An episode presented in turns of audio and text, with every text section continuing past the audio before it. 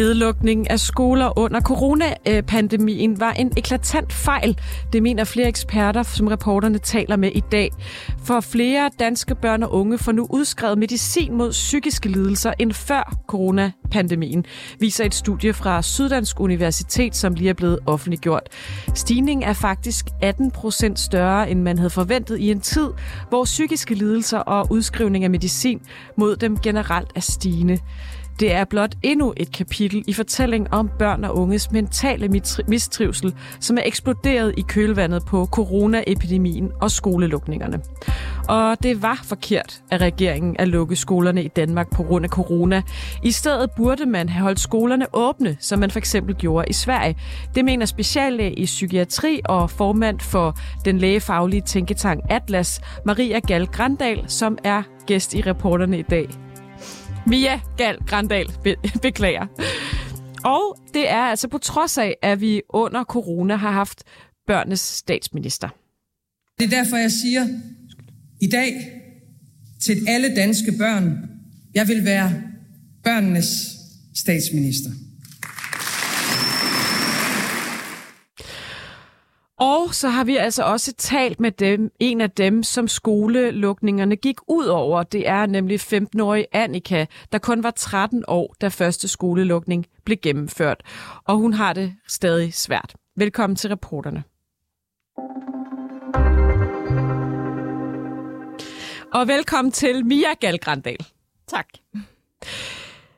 Du er altså speciallæge i psykiatri og formand for den lægefaglige tænketank Atlas. Vil du ikke allerførst forklare os, hvorfor du mener, at det var forkert at lukke skolerne under corona? Vi vidste allerede helt, altså ret tidligt, at øh, børn øh, og unge ikke øh, bliver alvorligt syge af coronavirus.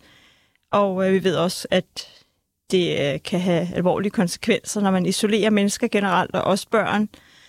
Og, og, øhm, og at, at børnene ikke bidrog til spredningen med coronavirus, og på, af de tre grunde, så, øh, så var der ikke noget fagligt. Øh. Det vidste vi vel ikke fra dag et. Der var noget tid, Ej, det hvor var, man... Det var meget tidligt, man vidste det faktisk, at, øh, at det ikke gik ud over børnene.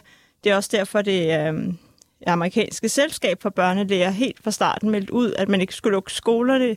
Det gjorde man alligevel flere steder i USA, men de var allerede helt fra starten ud at melde det ud af de tre grunde. Altså, øh, så det, øh, altså nu valgte man jo, det var politikerne, der lagde op til, at man skulle øh, fravige proportionalitetsprincippet og øh, handle i henhold til et overforsigtighedsprincip. Øh, og man var vel baggrund... bekymret for, at måske ikke, at de blev specielt syge, men at de var med til at sprede smitten. Ja, men det, det var der også. Altså, det har vi jo også i Atlas udarbejdet en analyse af, at øh, særligt små børn, men også, øh, altså, når man ikke, altså voksne, øh, hvad hedder det, teenager ligner mere og mere voksne, men, men de små børn op til syv år, øh, det øh, vil, bidrog ikke til at sprede smitten. Det bliver primært smittet derhjemme øh, af deres øh, Vil du ikke, du, fordi du er jo speciallæge i psykiatri, vil du ikke forklare os, øh, hvad, hvad du mener, det har ført til af psykiske problemer af, for børnene, at man lukkede skolerne? Jo, altså vi har jo Øh, det har vi også udarbejdet en analyse af, men det, det så man allerede efter den første nedlukning, at, øh, og også under den første nedlukning, at øh, børn begyndte at mistrives. Der har været en, en øget forekomst af angst og depression. Der har også været psykoselidelser, også små børn, der har blevet psykotiske af de her nedlukninger. Øget selvskade, selvmutilerende adfærd. Jeg har hørt læger inden for Rigshospitalet, der har sagt, at de aldrig set noget lignende. De har heller ikke tidligere set så mange øh, børn og unge, der kom ind med leverskader efter at have forsøgt at tage deres eget liv. Det, øh, så, og og øh, øh, en højere forekomst af spiseforstyrrelser. Og det er nogle tilstande, som øh, man ikke bare kommer sig over. Det kan tage år og, øh, at blive rask igen. Mia, hvordan ved du, at det skyldes skolenedlukningerne? Det jeg øh, lidt sidder og tænker på, det er, er man sikker på, at der er den kobling? Fordi der, var, der er jo også sket en stigning i Sverige af mistrivsel, hvor man ikke lukkede skolerne. Altså, der, ved du, om der er, der er en direkte kobling mellem skolenedlukninger og mistrivsel, eller om det bare har været pandemien generelt, der altså, har stresset børn? OECD er jo lige udkommet med en rapport, hvor de beskriver, at uh, i hele Europa er det, er det uh, børn og unge er en stigende uh, mental mistrivsel. Og det er også, at de ser øget antal selvmordsforsøg, flere spisforstyrrelser, primært hos børn, der havde spisforstyrrelser i forvejen. Og der, øh, men der henviser de til et studie i Sverige, hvor man har kigget på, man havde en, øh, en gruppe af 13-15-årige, som man kiggede på inden nedlukningerne, og så kan man så sammenligne, de har så haft den mulighed, fordi de allerede har lidt studie i gang i forvejen. Og så de sammenligner med 13-15-årige under nedlukninger, der kan de se, at der er ingen forskel på, hvordan de trives. De har det. Altså det er en periode, hvor man i forvejen kan se, at børn, øh, når man begynder at komme i, i puberteten, det er der, man begynder at kunne se, øh, at børn får psykiske problemer. Øh, men der kunne man se, at der var ingen forskel på den gruppe før og øh, under nedlukningerne i Sverige. Øh, der var det eneste lille forskel, der var, det var, at pigerne var øh, mere bekymret for fremtiden, men der var ikke nogen, øh, altså, og, øh, der, der var ikke nogen forskel ellers på den mentale trivsel, og der skriver de, at det var, fordi skolerne var åbne, og fordi børnene havde mulighed for... Men nu er, er der også sket en stigning i Sverige i mistrivsel blandt øh, børn og unge. Her efter, øh, altså efter pandemien. Altså man kan se, øh, altså meget bekendt er det, er det ikke, øh, altså ja, OECD skriver, øh, at man ser det i hele Europa, men, men det henviser også at, til, at det ikke forekommer i Sverige. Øh, men altså, der er ikke nogen tvivl om, at hele, hele den her bekymring omkring coronavirus har også påvirket børn generelt. Så, øh, så der har været en større bekymring for, at de selv blev syge, og deres bedsteforældre blev syge, og hvad skulle der ske i fremtiden. Det har også haft en, en påvirkning, så det er ikke kun skolelukningerne. Men øh, vi ved, at det er bydende nødvendigt, at øh, børn og unge har kontakt til, til deres øh, øh jævnaldrende. Særligt unge mennesker har brug for at kunne spejle sig i deres øh, jævnaldrende. Det er ikke nok med forældrene. Forældrene bliver sekundære i den tid. Øh, så det, at de ikke har haft... Øh, nogen kontakt til, til deres jævnaldrende øh, af betydning, øh, har, har haft en betydning for deres øh, mentale trivsel og deres udvikling. Og man kan se, der er et, også nyligt udkommet et studie i USA, der viser, at, at øh, øh, unge har øh, forandringer i hjernen, øh, øh, formentlig på baggrund af nedlukningerne, øh, som svarer til børn, der har været udsat for traumer. Øh. Vi skal lige uh, videre. Um, ja. vi, vi, vi fortsætter med at tale med dig om lidt. Uh, for øh, i et endnu ikke offentliggjort dansk studie kan man læse, at halvdelen af de ældste piger i skolerne i alderen øh, 12-16 øh, år havde symptomer på depression eller mental mistrivsel. Og symptomerne fortsatte efter de var vendt tilbage i skole viste øh, det her studie altså, og det målte man i juni øh, 2021. Især nummer to nedlukning var medvirkende til at forværre trivsel hos børn og unge.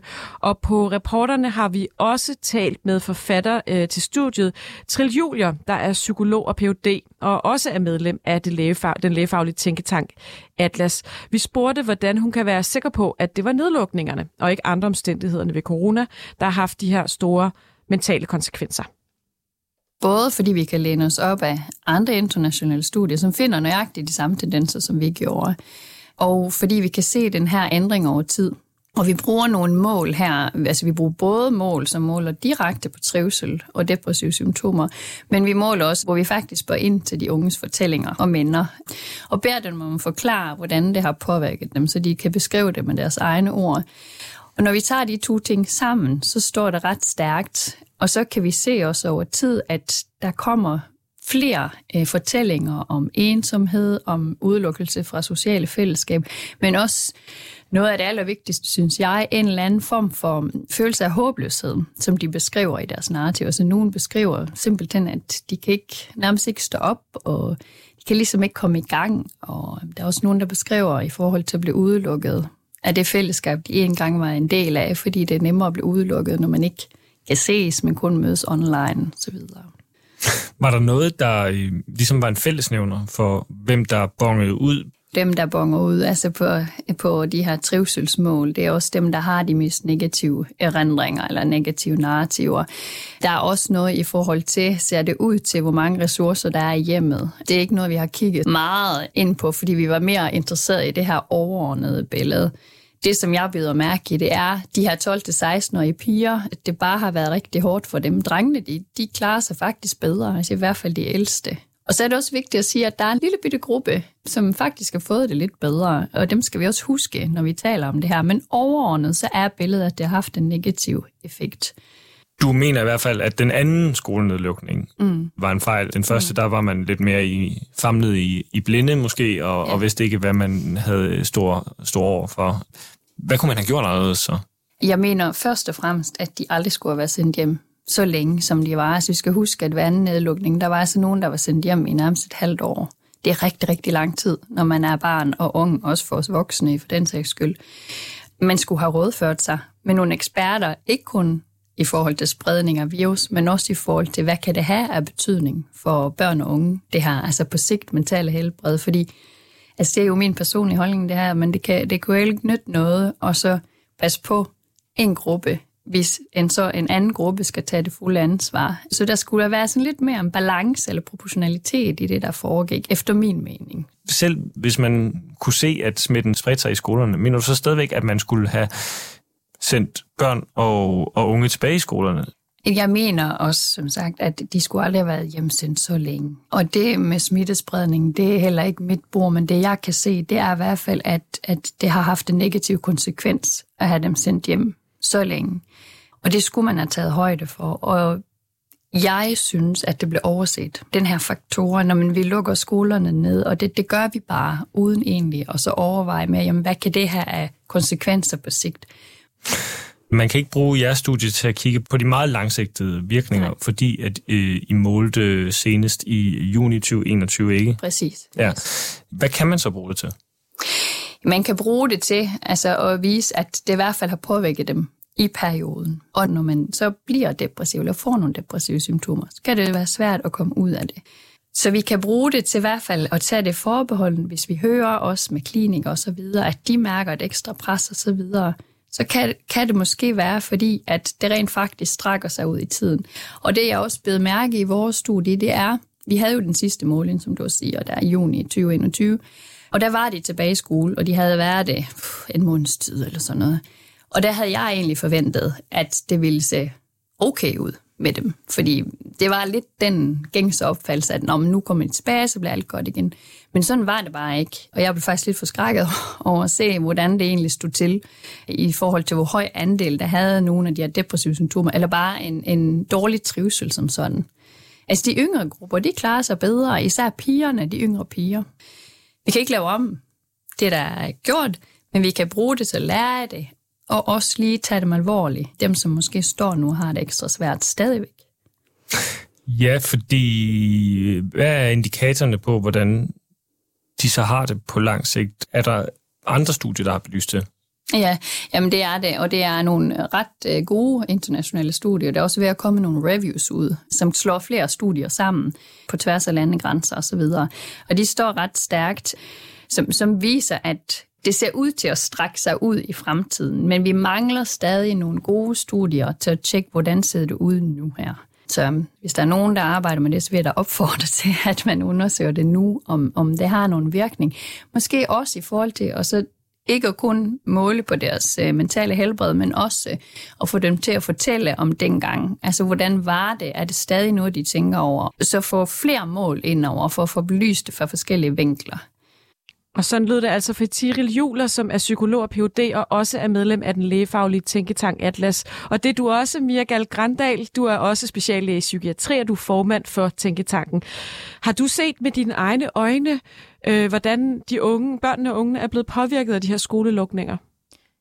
Ja, øh, der har også været øh, børn og unge i, i min omgangskreds, som, øh, som er blevet rigtig syge af, af nedlukninger, også øh, altså nogle af vores venners børn. Og, øh, og, og det som der er, det, altså, vi har jo også øh, en professor, Karen Vistoff, som er professor i, i sundhedspædagogik, og det har også lavet noget forskning, der viser, at, at nogle af de børn, som, øh, som faktisk havde det aller værste, det var der, hvor forældrene ikke var bekymrede. Øh, de var ikke klar over, at de havde det dårligt. Det er også noget, som jeg har oplevet at se, at når, når skolerne så åbnede op igen, så, så gik det op for de her forældre, at deres børn faktisk var blevet alvorligt syge, fordi så kunne de lige pludselig ikke komme afsted. Øh, Øh, de havde faktisk øh, ikke øh, rigtig været kommet ud af sengen, og når, når de havde skulle være på, på online skole, så er de bare tændt, men blevet i sengen og ikke rigtig kommet op. Øh, og øh, ja, det, det, det er vigtigt for mig at sige, at det, det er at til nogle tilstande, hvis man først får en depression, så, øh, så øh, jo flere depressioner man får, jo mere man øget risiko for også at kunne få det senere, og vi ved, ikke fordi jeg siger, at, at de her børn bliver demente, men mm. øh, depressioner, øh, det, altså det er skadeligt for hjernen at have en psykose eller være deprimeret, og, øh, og demens, øh, eller hvad hedder det, depressioner øger øh, risikoen for at blive dement, når man bliver gammel. Så, så altså, du, du er enig med Tiril Juler i her, at vi skal ja. se på de langsigtede ja. Øh, virkninger også af det her? Ja, det, det er jeg. Lad os øh, håbe, og, det bliver undersøgt. Og, og det, øh, en vigtig pointe, jeg også tænker, det er, at øh, nu spurgte du mig, om man ikke vidste fra starten. Øh, vi, vi, altså, jeg tænkte, det, kan godt være, det er jo det, som øh, man skal huske nogle gange, man ikke skal vente på at få forskningsresultat. Nogle gange skal man også øh, træffe nogle beslutninger ud for en vurdering. Og øh, jeg har i hvert fald været med til at gøre opmærksom på, helt fra starten fra, det, fra, fra 2020 i foråret, øh, at det her kunne få nogle alvorlige konsekvenser. Der er også nogle øh, artikler, jeg har skrevet, hvor det netop har den øh, overskrift, at vi er ved at skabe en, øh, en øh, ungdom med, altså psykisk sårbar ungdom.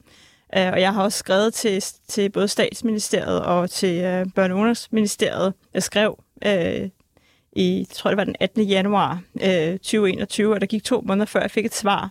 Øh, og, og de tog det slet ikke alvorligt. Øh, og jeg ved også, at andre fagfolk har forsøgt at øh, råbe dem op. Og jeg mener, at den her øh, at det nærmest er mere alvorligt end minkskandalen, fordi man har gjort det i så lang tid, og man har handlet mod bedre vidne, og man er blevet advaret, og det har haft nogle alvorlige konsekvenser for vores børn. Vi beholder dig i studiet, Mia Galgrandal, men øh, vi skal faktisk øh, høre fra en af dem, som det handler om lige om lidt.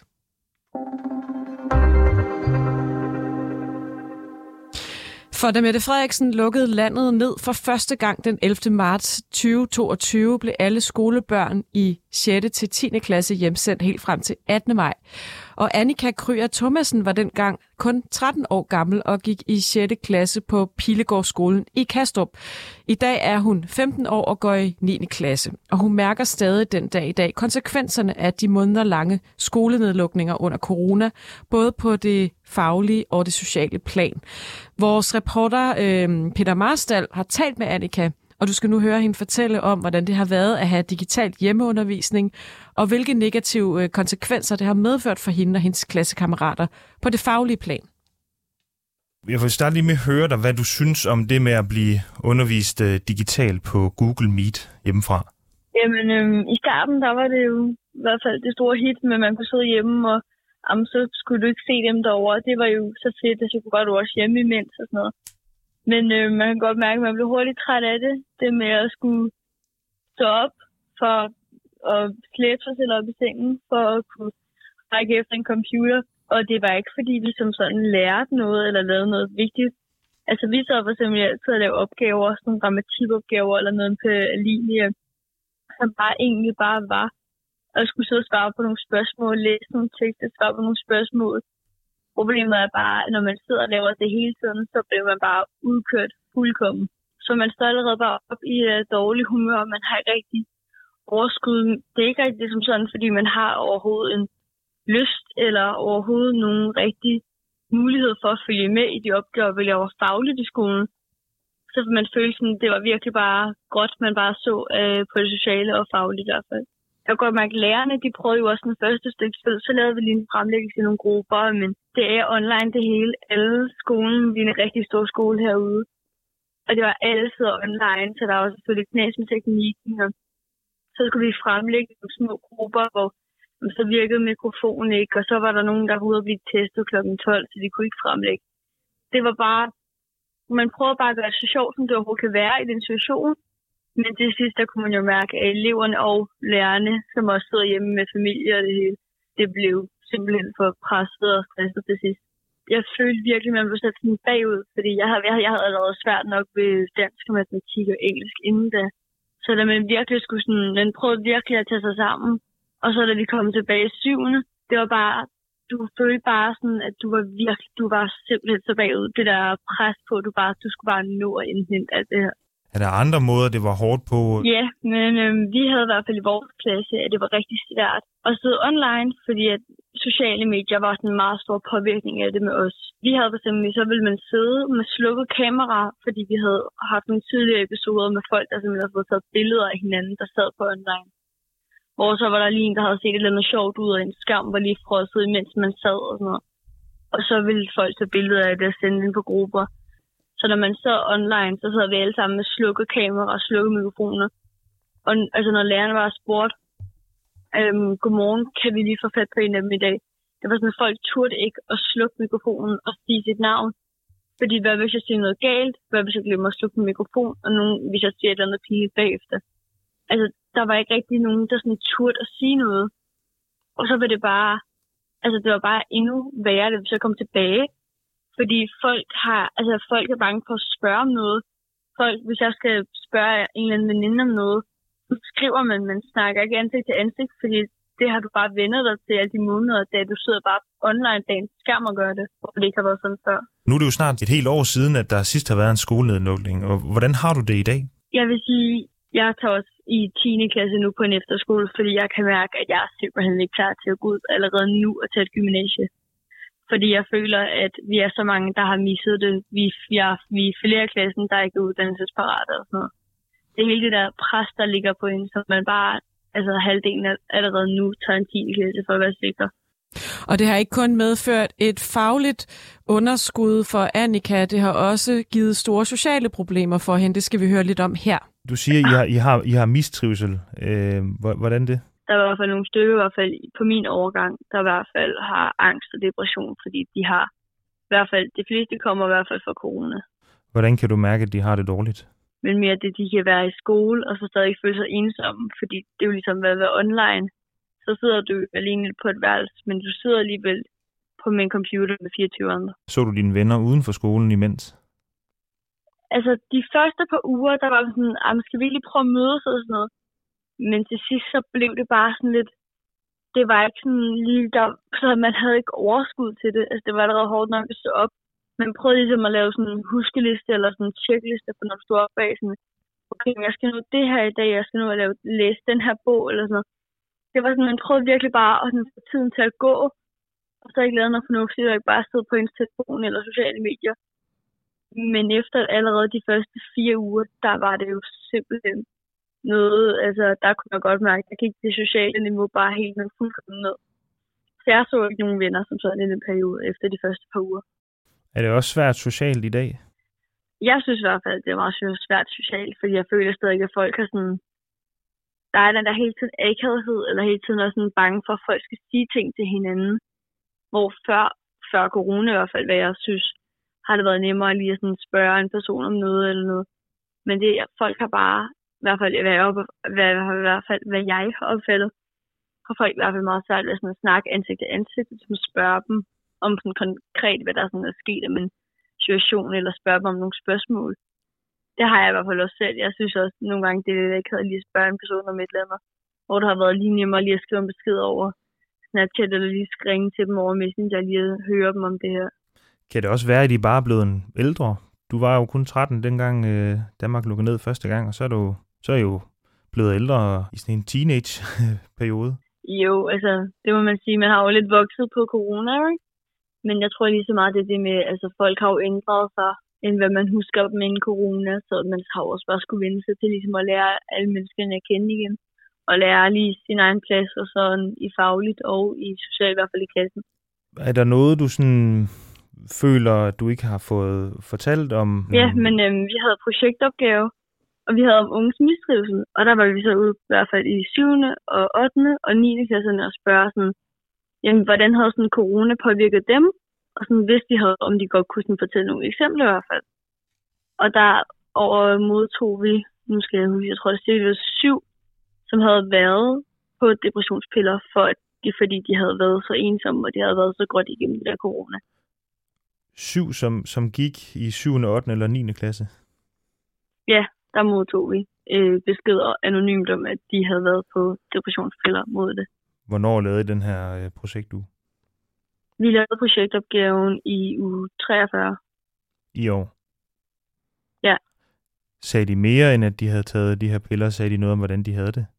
Øh, det meste var på grund af noget ensomhed, og de havde haft svært ligesom ikke at se vennerne, og de sådan, var meget indlukket inde på værelset og sådan noget, og havde svært ved at snakke med mor og far, fordi de havde ikke rigtig lysten eller overskud.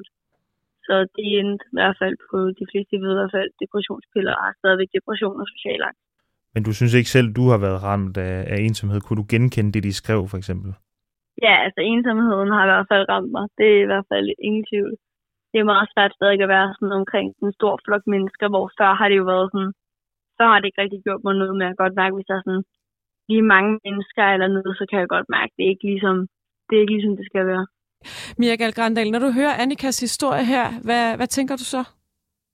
Det er virkelig hjerteskærende øh, og meget trist. Øh, ja, øh, og jeg tænker, at vi skal, altså, vi ved, at det har været svært for de her unge at komme tilbage til fællesskaberne. Det kan man høre, når man snakker med, med skolerne og gymnasierne. Øh, og jeg synes, det er vigtigt at huske, når der bliver forsket i det her, at, øh, at der er en bias, fordi dem, der har det aller dårligst, de orker ikke, altså det er jo en del af, af tilstanden, at de orker ikke at være med, så de, de kommer muligvis slet ikke med i de her undersøgelser. Øh, ja, og jeg tænker, at der er ikke nogen tvivl om fra min side, at det har haft nogle alvorlige konsekvenser for børn og unges øh, liv. Uoprettelige konsekvenser, eller? Altså, det vil tiden jo vise. Jeg, kunne være, jeg kan være bekymret for, at øh, ja, det har det. Øh, og det, øh, det synes jeg, øh, det er næsten ubærligt. Du siger også, det er svært for dem at komme tilbage til fællesskaberne igen, efter at de har været væk fra dem så længe. Ja, det, det er det, som hvis man snakker med studievejledere fra gymnasierne, så, så, så har de unge svært ved at komme tilbage igen øh, og, være, og være sociale. Det, det er svært for dem. Til aller, aller, aller, aller sidst, vi har 20 sekunder. I regeringsgrundlaget, der står, at man vil give, øh, der har man lavet en 10 for, for psykiatrien, og i, om 10 år, så vil man tilføre 4 milliarder mere hvert år. Er det nok i forhold til at genoprette den her mistrivsel hos børn og unge? Helt kort. Ja, ja altså, det, jeg synes, at psykiatrien er et stort spørgsmål at tage med ind i det her, øh, og det handler jo ikke kun om psykiatri, det handler jo om de rammer, vi byder vores børn. Det handler ikke om, at vi først skal være der, når de, når de har slået knæet. Vi skal sørge for, at de har det godt inden. Øh, så, så jeg tænker, at det er vigtigt at se på børns trivsel generelt. Hmm. Tak fordi du var med, Mia Gal Grandal. Du er speciallæge i psykiatri og formand i den lægefaglige tænketank Atlas. Vi har forsøgt at få et interview med den indtil i dag fungerende sundhedsminister Magnus Heunicke. Han har ikke ønsket at stille op, og vi har også forsøgt at få et interview med Sundhedsstyrelsen. De stiller heller ikke op. Vi har forsøgt med Statens Serum Institut og Folketingets sundhedsordfører. Vi har ikke fået svar. De har ikke ønsket at stille op. Tak fordi du lyttede med til reporterne i dag, og mit navn er Sanne Fanø. Vi snakker videre om corona resten af den her uge. Du har lyttet til reporterne på 24 /7. Hvis du kunne lide programmet, så gå ind og tryk abonner på din foretrukne podcasttjeneste, eller lyt med live mellem 15 og 16 på 24 /7. Tips kan altid sendes på reporternesnablag247.dk.